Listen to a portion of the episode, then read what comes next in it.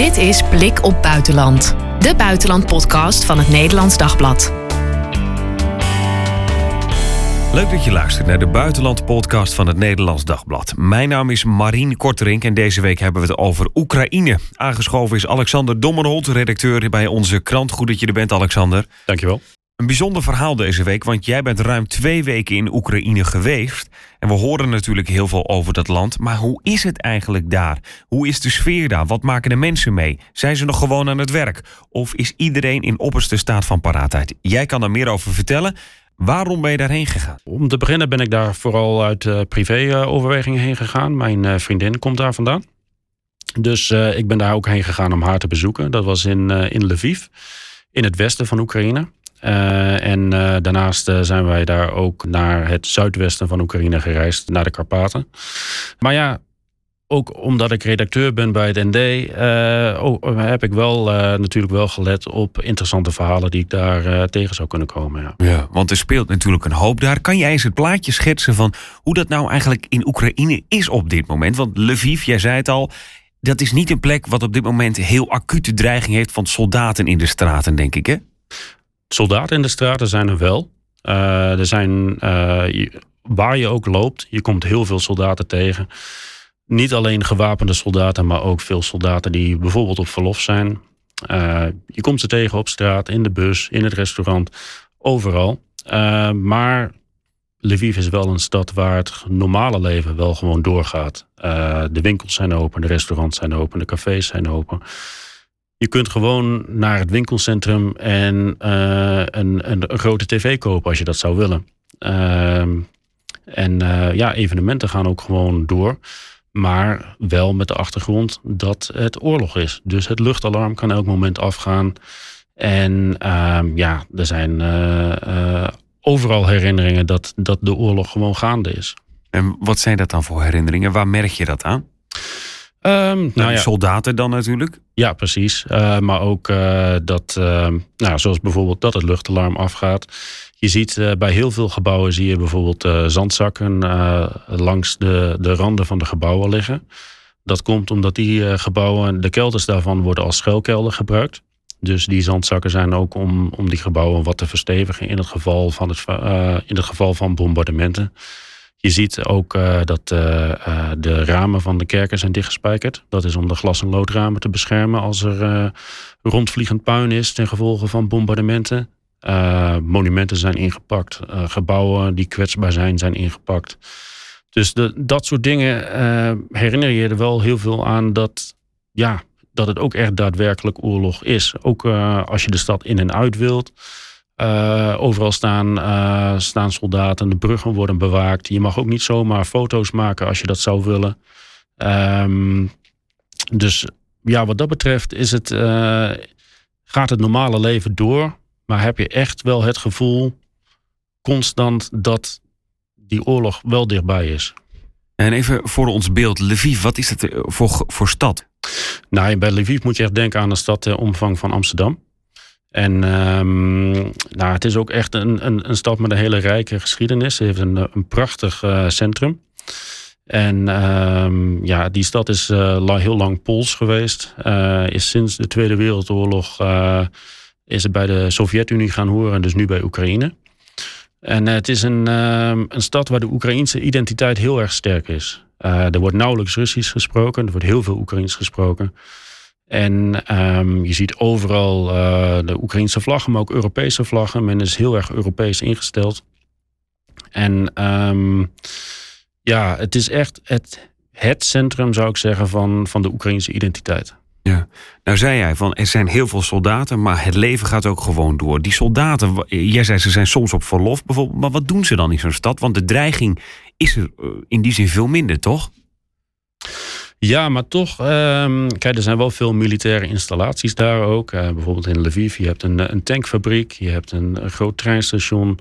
Al die wapentransporten die vanuit het westen komen, gaan daar ook doorheen. Ik heb zelf ook wapentransporten gezien. Uh, op, dat bijvoorbeeld op treinen dat daar panzervoertuigen worden vervoerd. Of dat er grote kolonnes vrachtwagens ehm, over de snelweg gaan met afgeplakte kentekenplaten. Dan weet je dat het een wapentransport is. Dus um, het is echt de poort ehm, naar Europa. En voor Europa is het ook de poort naar de rest van Oekraïne. Dus het is ook heel strategisch, die stad. En ehm, daarnaast, die stad ligt ook ver van het slagveld af. Maar de dreiging vanuit uh, Wit-Rusland bijvoorbeeld ehm, is ook daadwerkelijk wel groot. Uh, als je bedenkt dat uh, de stad Kiev ook vanuit Wit-Rusland is aangevallen. Hetzelfde zou kunnen gebeuren met Lviv. En dan is de, de afstand tussen Wit-Rusland en, en Lviv niet zo heel erg groot. Dus het is echt van groot belang ook voor, voor Oekraïne om daar veel soldaten te houden. Om ook die stad te kunnen verdedigen. Zou er een aanval plaatsvinden vanuit Wit-Rusland. Nou zei je net van er worden ook, het alarm gaat wel eens af omdat het dan bombardementen zijn. Uh, hoe vaak gebeurt dat dan in zo'n stad? Nou, dat wisselt heel erg. Um, kijk, bijvoorbeeld de eerste week dat ik er was, ging het luchtalarm geen enkele keer af. De tweede week ging het luchtalarm vijf keer af. Maar sommige dagen dan gaat uh, het luchtalarm uh, meerdere keren op één dag af. Bijvoorbeeld op uh, 24 augustus, dat was onafhankelijkheidsdag in Oekraïne, ging het luchtalarm ehm, volgens mij wel zes keer af.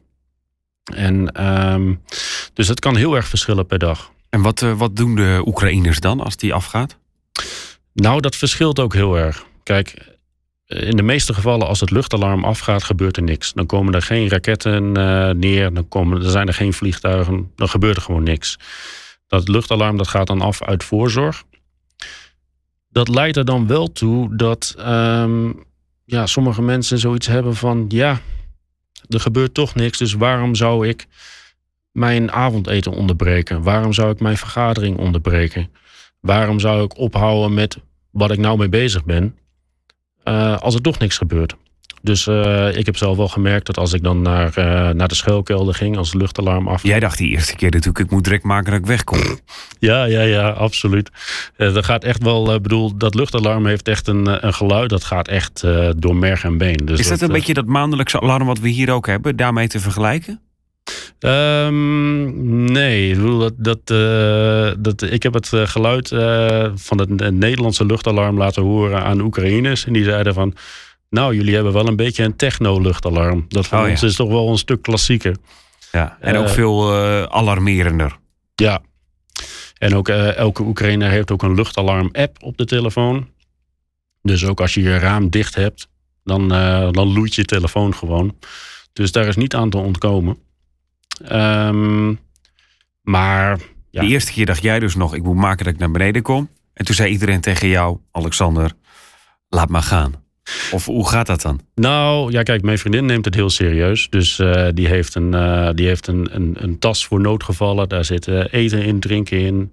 En die zei ook van, nou, als het luchtalarm afgaat, dan moet je een aantal dingen doen. Je moet, je, moet je schoenen aandoen, je moet je warm aankleden, je moet ehm, je moet die tas meenemen, je moet naar het toilet, want er is geen toilet in de schuilkelder. En dan uh, met de trap naar beneden, niet met de lift.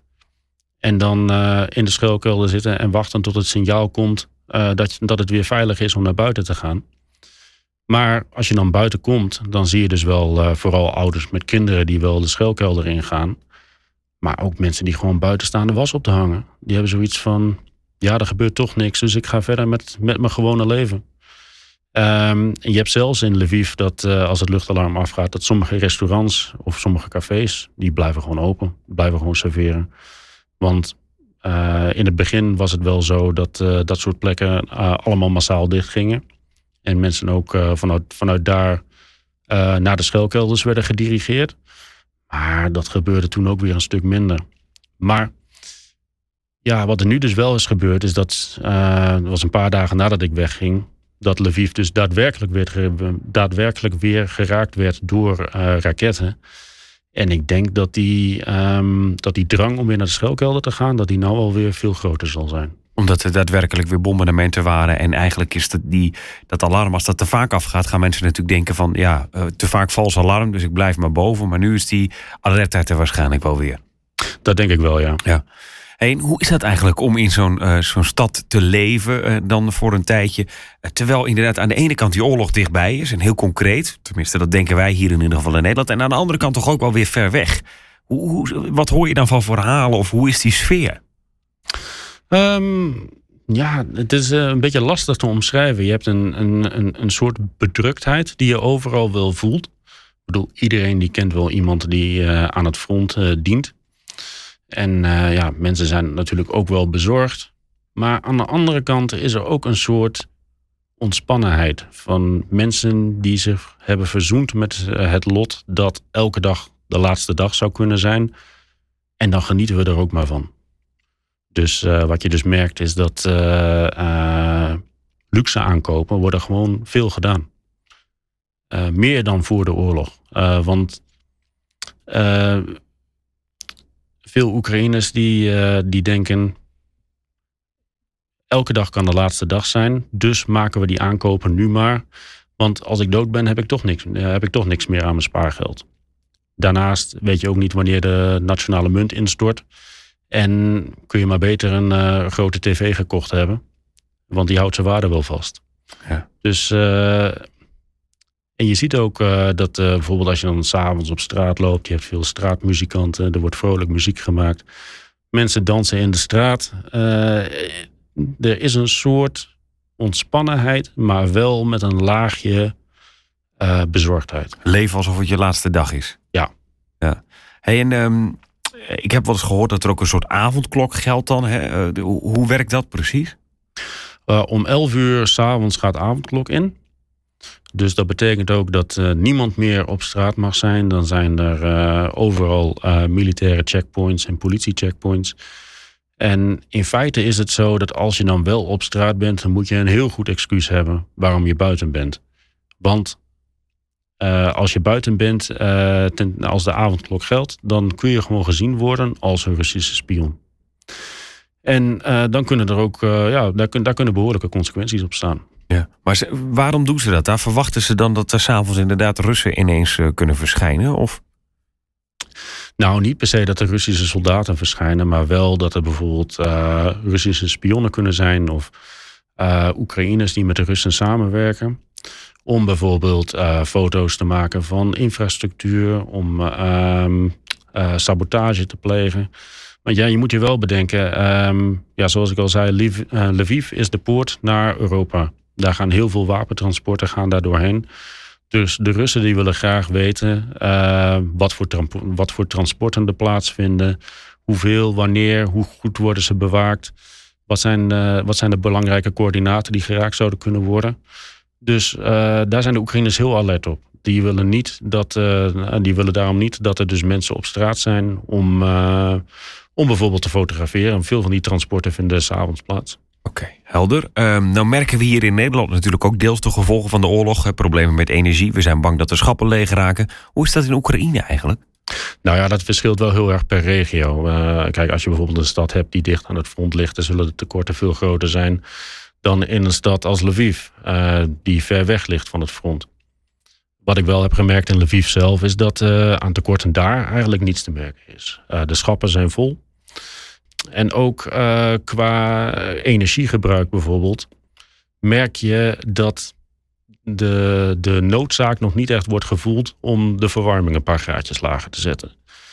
ik ben dus, behalve in Lviv, ben ik in de Karpaten geweest, in een hotel. Daar wordt de verwarming wordt daar centraal geregeld. En we kwamen daar aan en het was zo vreselijk warm binnen. Uh, dat we eerst alle ramen moesten openzetten om die temperatuur een beetje naar beneden te krijgen. En dat is toch in Nederland toch wel onbegrijpelijk.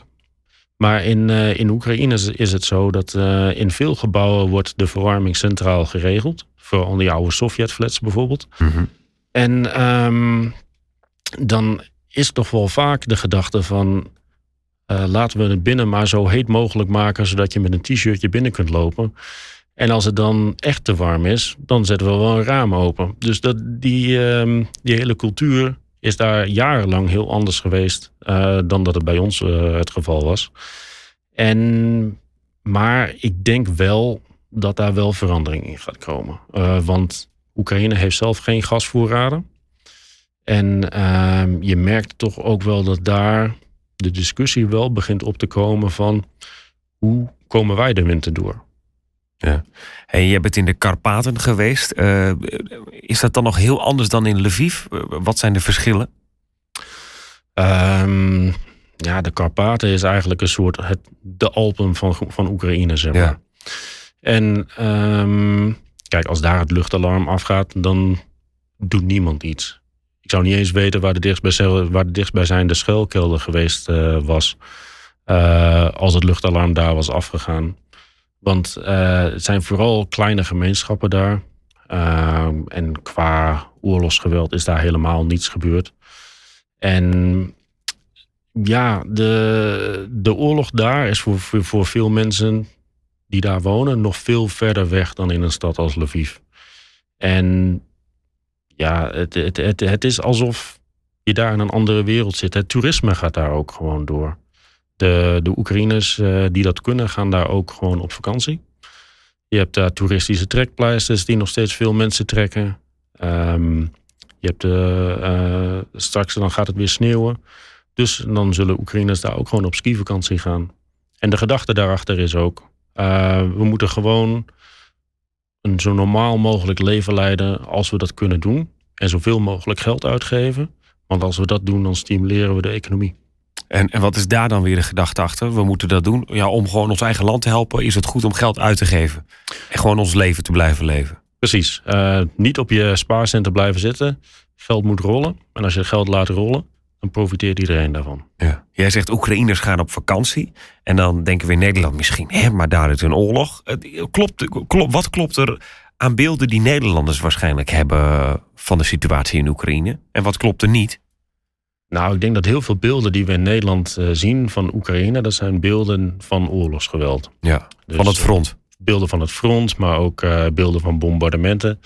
Maar ja, wat je wel moet bedenken is dat een heel groot gedeelte van Oekraïne ehm, er helemaal geen strijd is geleverd.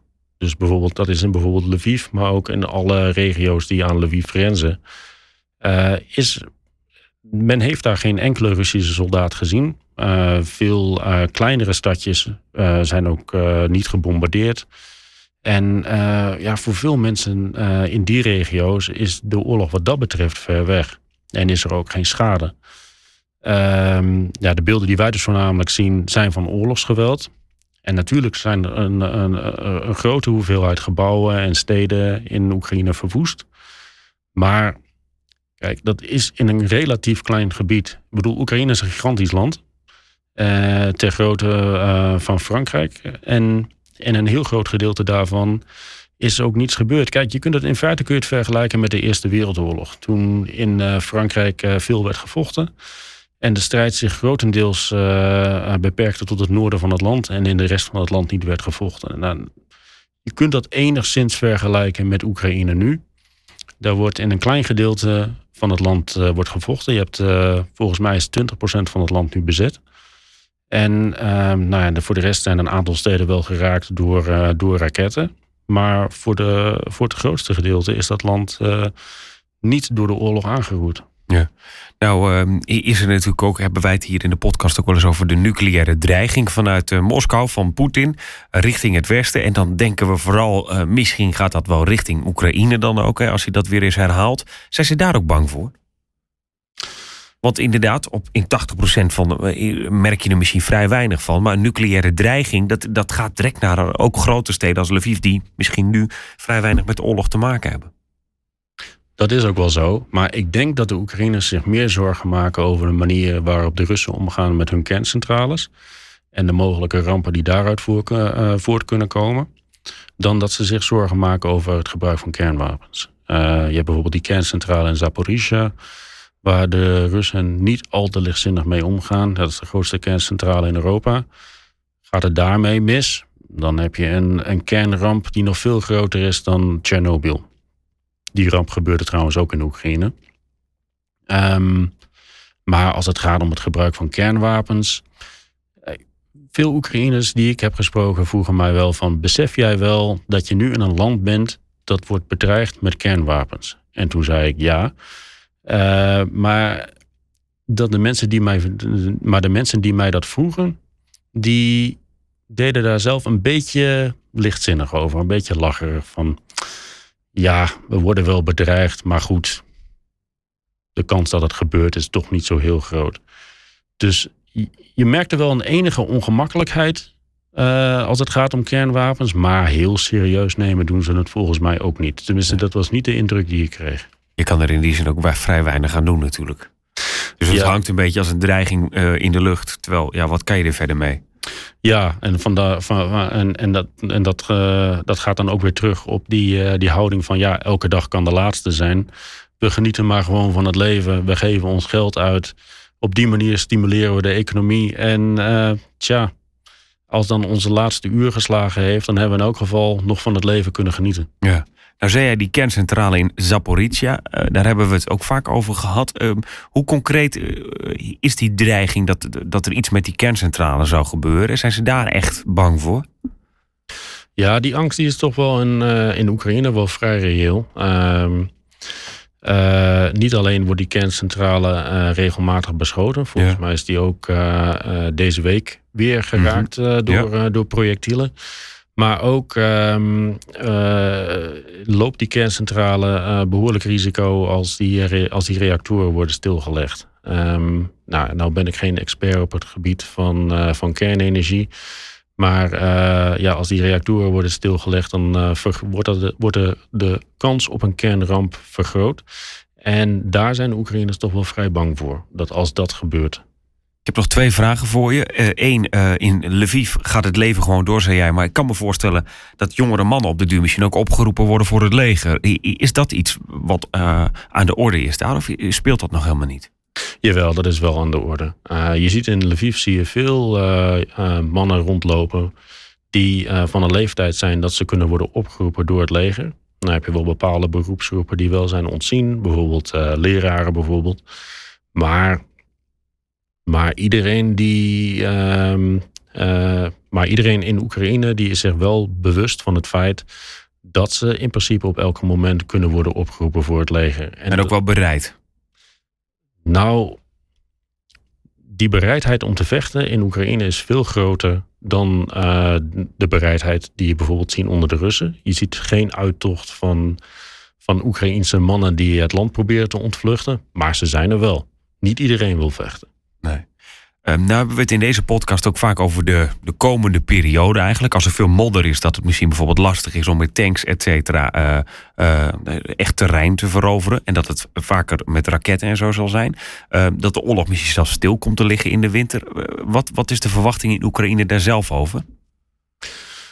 de verwachting is dat, ja, inderdaad een beetje hetzelfde. Dat um, men verwacht dat Oekraïne uh, zoveel mogelijk terrein gaat proberen te winnen voordat de winter ook daadwerkelijk invalt. Dus dan zou je zeggen van het is nu uh, halverwege oktober bijna nog een, ma maand de tijd daarvoor? Ja, ongeveer. En uh, men verwacht ook niet dat de mobilisatie van de Russische troepen ook daadwerkelijk zoveel gaat uithalen. dat voor het einde van het jaar ook veranderingen ten voordele van Rusland behaald worden. Dat we, men verwacht uh, dat Oekraïne zoveel mogelijk terrein gaat proberen te winnen voordat de winter invalt. En dat um, in de lente dat dan de oorlog beslist wordt. Dat heb ik, uh, tenminste, dat is de verwachting die ik heb geproefd onder de Oekraïners die ik heb gesproken. Ja, en als je het hebt over die mobilisatie in Rusland, dan verwacht je misschien dat dat in de lente, inderdaad, dat ze dan uh, die mensen in gaan zetten die gemobiliseerd zijn. Is Oekraïne daar ook mee bezig, mensen mobiliseren bijvoorbeeld voor dan? Nou, uh, niet op dezelfde schaal. Uh, maar de mogelijkheid bestaat toch, daar bestaat toch wel zeker. En ja, je proeft ook wel enige ongerustheid daarover. Dat ook bijvoorbeeld zelfs vrouwen gemobiliseerd kunnen gaan worden. Um, daar zijn, uh, er zingen geruchten rond in Oekraïne dat uh, vrouwen uit bepaalde sectoren kunnen worden opgeroepen. En, um, en dat ze bijvoorbeeld, nou niet per se als soldaten, maar wel als uh, bijvoorbeeld hospikken aan het front moeten gaan dienen. Ehm, ja, er is dus wel ongerustheid over, maar het is op dit moment nog, er is geen algemene mobilisatie. En dat is in die zin natuurlijk ook nog ver vooruit de lente. En helemaal als je, wat jij zegt, uh, leeft bij de dag, dan denk je wie dan leeft, wie dan zorgt. Precies. Dus uh, ja, en, en ook met deze oorlog.